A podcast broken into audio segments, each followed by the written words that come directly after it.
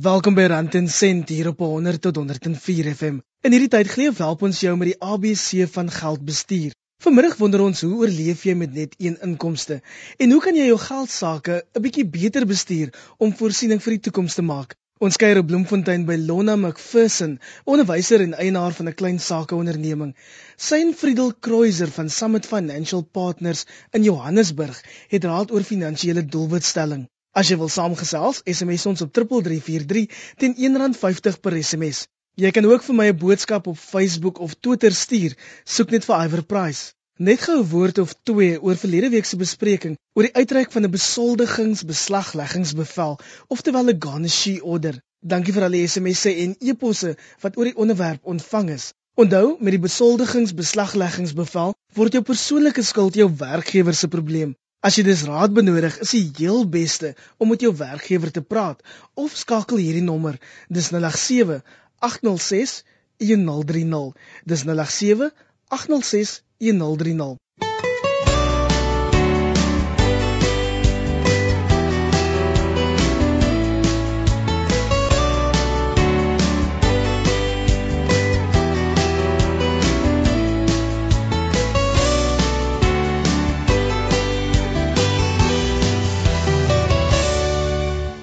Nuwe navorsing wys net 7% van alle Suid-Afrikaners is met hul aftrede finansiëel onafhanklik. Tot 40% van ons kredietaktiewe bevolking het meer skuld as wat hulle kan bekostig. Boonop is die gemiddelde rente-inkomste slegs 2%. Dit beteken jy betaal stellig meer op die rente van jou skuld as wat jy insit in jou spaarrekening. Friedel Kreuzer van Summit Financial Partners blameer die finansiële bedryf. Hulle het self 'n staak in die produkte wat hulle verkoop. So hulle kyk ongelukkig nie altyd na die beste belang van die verbruiker nie. Hulle verkoop maar net die produkte wat vir hulle die meeste gaan teruggee. Ongelukkig. Dis nou nie altyd die geval nie, maar meestenby. En ongelukkig is daar veel te weet die banke en die kredietindustrie. Hulle vertel vir verbruikers dat hulle skuld kort, dat jy nie kan lewe sonder skuld nie.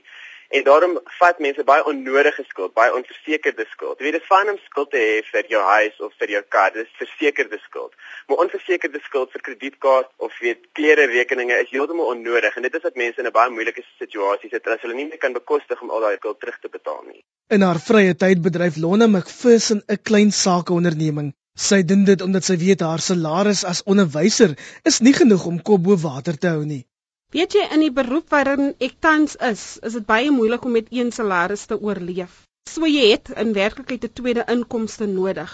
Jy kan byvoorbeeld kyk na mense in lande soos Amerika en baie van hy mense het twee of meer beroepe en ek dink dis omdat hulle waarlik waar voel hulle kan nie met een salaris oorleef nie. Heidiglik is dit moeilik om regtig met een salaris te oorleef. So 'n tweede of 'n derde salaris is nodig veral as jy 'n gemaklike lewenstyl wil handhaaf en net die beste vir jou kinders wil gee aan die einde van die dag. Friedel het die volgende raad vir mense wat hul geld sake beter wil bestuur. Hy waarsku jy kan nie net doelwitte stel sonder om eers vas te stel hoe en hoekom jy geld uitgee soos jy doen nie. Ons moet ongelukkig beter finansiële gewoontes aanleer. Ons moet maar besef as wat ons nou doen nie werk nie, dan moet ons beter manier vind om dit te doen. En die eerste en mees belangrikste en ook die mees effektiewe finansiële gewoonte wat 'n mens moet uitoefen, is om presies te weet hoeveel jy spandeer en op wat jy spandeer. Jy moet meet hoe jy spandeer as jy nie eers vasstel hoe jy spandeer nie, dan kan jy ook nie jou, jou geld sake ordentlik bestuur nie. So as jy nou eers gesien het hoe jy spandeer, dan kan jy kyk om seker te maak jy spandeer op die regte prioriteite. En ook te sien as jy 'n nou impulsiewe kopies maak, dan kan jy sien wat die effek daar, daarvan is op die volgende maand of op die res van jou prioriteite. Dan kan jy vir jouself bereikbare doelwitte stel, maar eers moet jy meet hoe jy spandeer, andersins kan jy glad nie doelwitte stel nie.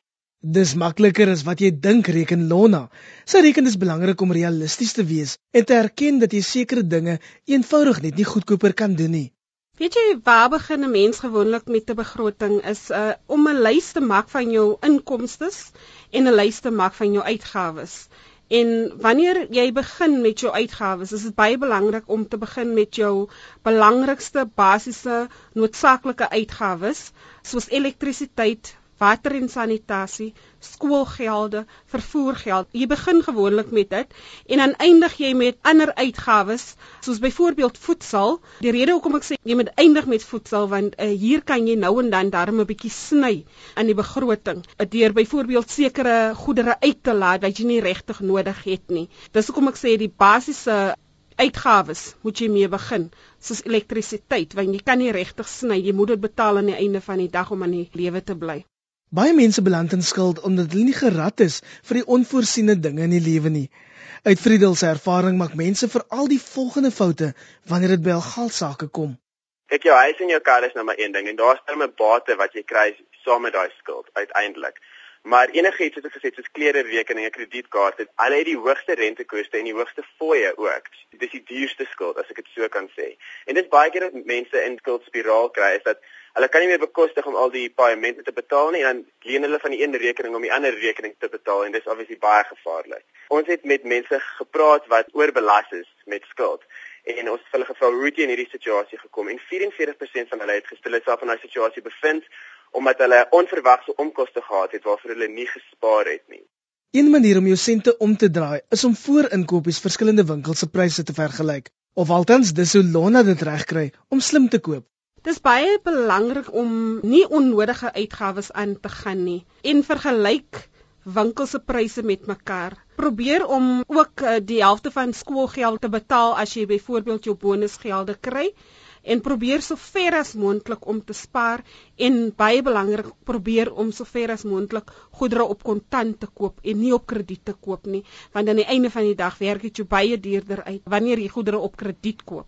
Wys die persoon pamflette met pryse en produkte van ander winkels en wys hom die verskil tussen die prys wat sy huidige winkel waar hy koop vra en wat die ander winkels vra in vergelyking met sy huidige winkel en wys hom fisies op papier hoeveel hy of sy kan bespaar deur te probeer om by ander winkels te koop.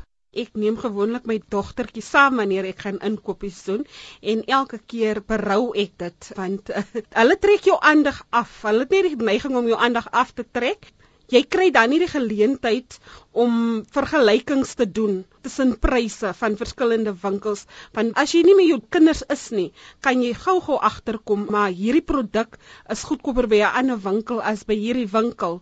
Miskien het jy 'n advertensie op TV gesien wat wys dat die produk goedkoper is by 'n ander winkel en onmiddellik val dit jou by of dat hierdie produk is goedkoper by 'n ander winkel En soms wanneer jy in die winkel is ook, kan jy gou sommetjies maak en besef maar as ek twee van hierdie goed koop, gaan dit my baie goedkoper uitwerk as wanneer ek uh, om byvoorbeeld in 'n groter maat koop of in 'n kleiner maat koop. So 'n kind is geneig om mense aandag af te lei. So ek sou sê nee, dis nie 'n goeie idee om met jou kinders inkopies te gaan doen nie.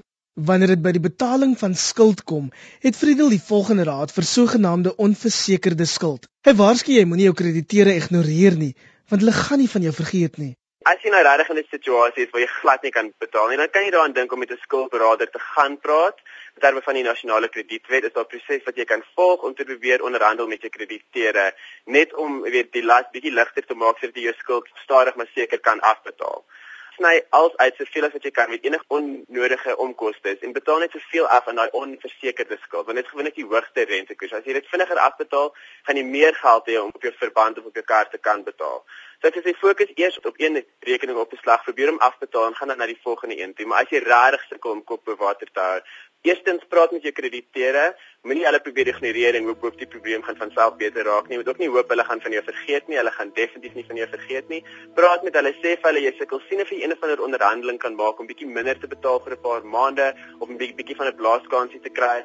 Maar anders is kontak met 'n skuldberader voor dit te laat is. Dit is beter om die situasie te probeer hanteer vroeër liewer as later. Die ou tyd se spaarklubs waar 'n groep mense saam geld wegsit, gewoonlik vir die groot dae, is ook 'n maklike manier om gou oor die pad na geldelike gesondheid loop. Lona vertel meer.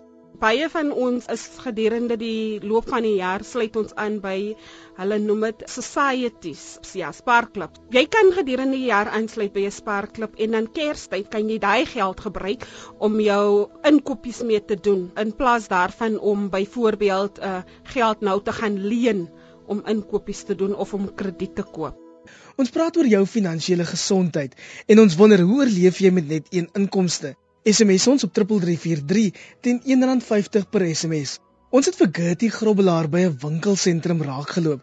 Kom ons hoor hoe sy kop bo water hou. Direk daarna praat ons verder met Lona McPherson en Friedel Kreuzer.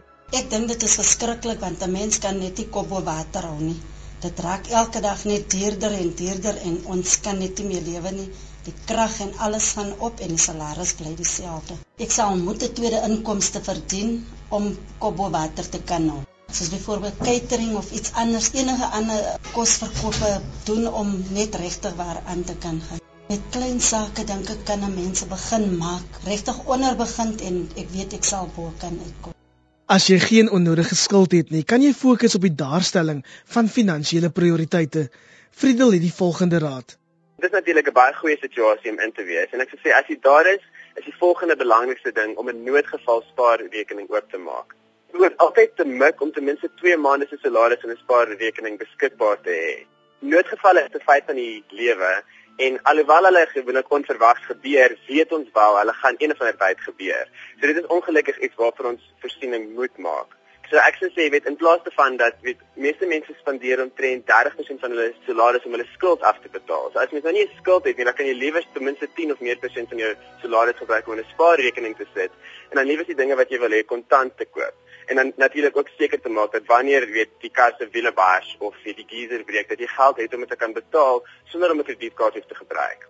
Ten slotte, as jy toegang tot die internet het, kan jy ook van gratis hulpmiddels gebruik maak om jou geld sake makliker te bestuur. Friedel hou nogal van sixcents.co.za. Dit help jou om 'n begroting op te stel vanaf jou elektroniese bankstaat. Summit het natuurlik 'n webwerf ontwerp wat jou kan help om jou om 'n outomatiese begroting op te trek vanaf jou elektroniese bankstaat. Mens kan nie daarvan wegkom nie. Jy moet neerskryf wat jy inkry en wat uitgaan. Jy moet dit op skrift sit sodat jy dit self kan sien. Maar maak dit net selfs so maklik as moontlik en kry jy familie en vriende betrek hulle, praat daaroor en help hulle om jou aanspreeklik te hou teenoor jou begroting. Die webwerf daar is www.sixcents.co.za. Dit is die nommer 6 en dan C E N T S. En wat dit net doen as jy 'n internetbankstaat het, dan kan jy dit in Sixcents oplaai en hy sal dit dan in 'n begroting in verwerk op jou eintlike weet inkomste en uitgawes. En dan kan jy ook maand tot maand vergelyk hoe jy spandeer en jy kan ook jou spandeerpatrone vergelyk teenoor jou persoonlike doelwitte sowel as ons voorgestelde doelwitte. So jy kan sien behoort jy bietjie minder hier te spandeer, behoort jy bietjie meer daar te spandeer en spandeer jy waar jy dink jy spandeer of jy weet spandeer jy wat jy eintlik wil spandeer. So dit is net 'n bietjie manier om dit makliker te maak om jou begroting op te trek en dan ook bietjie te meet. Natuurlik enige internetbankgeriewe maak dit gewoonlik ook moontlik vir jou om geautomatiseerde betalings op te stel wat dit baie makliker maak om jou maandelikse betalings betyds en voluit te maak. Ek kan natuurlik voorstel dat almal internetbankgeriewe moet gebruik. Dit maak jou lewe baie makliker. Dit spaar jou na die bank toe te gaan, maar as jy dit nie het nie, skryf maar net alles neer. Weet jy 'n manier vind wat vir jou werk? As dit nie vir jou werk nie, gaan jy dit nie kan doen nie skryf dit nie want jy moet dit ongelukkig op swart en wit sien. Andersins hoe dit is in jou kop is ongelukkig nie dit altyd is in die realiteit nie. En ek sê ek sê dit is baie belangrik vir families om saam begrotings te doen want dit is ongelukkig die hele familie alhoewel dit dalk net een of twee persone is wat die geld inbring vir die hele familie wat die geld spandeer en die hele familie se prioriteite wat geaffekteer word. En baie keer probeer een persoon, jy weet, die hele las van die begroting dra en dit is belangrik vir 'n familie om dit saam te doen en om mekaar saam aanspreeklik te hou daarteen en doelwitte te stel en dan saam te fees as hulle hulle doelwitte bereik. The Summit Financial Partners se Friedel Kreuzer. Jy het ook geluister na die klein sake eienaar Lonna McPherson. Ons het so 3 weke gelede oor skuldberading gepraat. Baie luisteraars het intussen hom nog raad gevra en Rand en Sent het by Paul Slot, president van die Casa Kers opgesteek. Hy het die volgende raad vir mense wat nog onseker is oor hoe die proses werk. As die verbruiker dan aansoek doen vir skuldberading, dan gaan die mens kyk na wat die totale inkomste van die huishouding is, wat die totale skuld van die huishouding is en wat wat die begroting van die verbruiker dan kan wees in terme van uh as mens vorentoe gaan kyk. Daardie bedrag wat dan beskikbaar is vir skuldterugbetaling word dan aangewend om te bepaal wat se voordele die verbruiker voorkwalifiseer en daardie voordele word dan deur 'n stelsel uitgewerk en dan begin die onderhandelinge met die kredietverskaffer te sê kan ons die voordele aan die verbruiker deurgee. Sodra dit gedoen is, maak 'n mens die terugbetaling vas en mens gaan na 'n landdroshof toe om die ooreenkoms wat jy aangaan het met die skuldverskaffers, die kredietverskaffers dan vas te maak. Die terugbetalingsproses begin dan. Van maand 1 af die totale bedrag word afgetrek deur van die verbruiker se rekening af en daar maak ons gebruik van 'n gereguleerde betalingsorganisasie om dit af te trek en die betaling word dan deurgegee na die kredietverskaffers. En solank die verbruiker hou by daardie plan om die terugbetalings te kan doen op 'n maandelikse basis. Die kredietverskaffers onderneem dat hulle geen verdere stappe sal neem teen die verbruiker nie. So dit op eind is dit 'n wen-wen situasie. Die kredietverskaffers kry sy geld terug, die verbruiker kan sy skuld dan terugbetaal oor 'n tydperk en natuurlik oor die tydperk van die skuldberading kan die verbruiker dan nie nuwe krediet aangaan nie en die rede daarvoor is daar 'n tydelike vlag op die kredietbureau dat die individu onder skuldberader is uh, gedurende daai tydperk, maar sodra die skuld terugbetaal is, word dit afgehaal en in meeste gevalle is die uh, verbruiker dan skoon in terme van skuld. Ons sien uh, net om vir jou dit prakties te maak, die gemiddelde verbruiker wat aansoek doen vir skuldberading het tussen 10 en 15 kredietooreenkomste. En met ander woorde, daar moet sê maar as daar 10 ooreenkomste is, moet daar 10 betalings gemaak word. Daar een bedrag afgetrek van die verbruiker se rekening en hy weet voor die tyd wat daai bedrag is en daai bedrag word dan deur die PDA verdeel en die betalings word dan namens die, die verbruiker aan die skuldverskaffers dan oorbetaal op 'n maandelikse basis. En dit word gedoen net nadat die geld afgetrek is van die verbruiker se rekening. So daar's nie onnodige vertragings daarin nie. Hulle net seker die geld is wel in die rekening van die PDA en dan word die betaling dan gedoen aan die kredietverskaffers. Watter konsessies sal kredietverskaffers toestaan om die verbruiker te help in die proses? Die eerste konsessie wat die kredietverskaffers toegestem het, is die volgende: is dat daar gaan geen fooie betaalbaar wees op die skuld wat terugbetaling word. En kom ons maak dit weer eens prakties, is dat elke kredietverskaffer kan R50 of R57 as mens BTW insluit per kredietooreenkoms aangaan. So met ander woorde, dis die eerste voordeel wat die verbruiker uh, dan gaan kry van die kredietverskaffer as hy 10 ooreenkomste het, dan is dit 10 keer R50 wat die verbruiker hoef nie hoef te betaal nie. Daardie geld kan dan aangewend word om skuld terugbetaal in die in die kredietverskaffer ehm um, stel die verbruiker vry om daai R50 per kredietooreenkomste verskaf. So dis die eerste voordeel. Die tweede voordeel is dat mens gaan kyk na die rentekoers wat die uh, individu gaan gaan betaal. En daar is twee kategorieë. As dit 'n huislening of 'n motorvoertuiglening is, dan kan die uh, koers verminder na onder prima per maand met ander van waarde dit ook al is op hierdie stadium, sal hulle dit ver, verminder na prima of minder as prima koers en in sommige geval die ehm um, bankkoers plus 2%. So dit kan 'n substansiële vermindering in die rentekoers op waar 'n huis of 'n motorlening is. Op onversekerde lenings, met ander woorde persoonlike lenings, kan die rentekoers nog verder verminder en daar kan afhangende van hoeveel die verbruiker dit kan betaal, kan die rentekoers verminder word tot amper nul. So daai voordeel wat die verbruiker dan kry, kan die mens uitrekeninge sê, maar dit is 'n groot voordeel in vermindering van fooie en rente wat die eh, verbruiker betaal en daai voordeel help net die verbruiker om om die skuld baie vinniger terug te betaal. Dis Paul Slot, die president van DKSA. En dit is dan ook die einde van vanmiddag se Rand en Sent met spesiale bydraes deur Wisdom Lou. Volgende Sondagmiddag om 04:30 maak ons weer so. Dankie vir die saamluister na my Iver Price. Totsiens.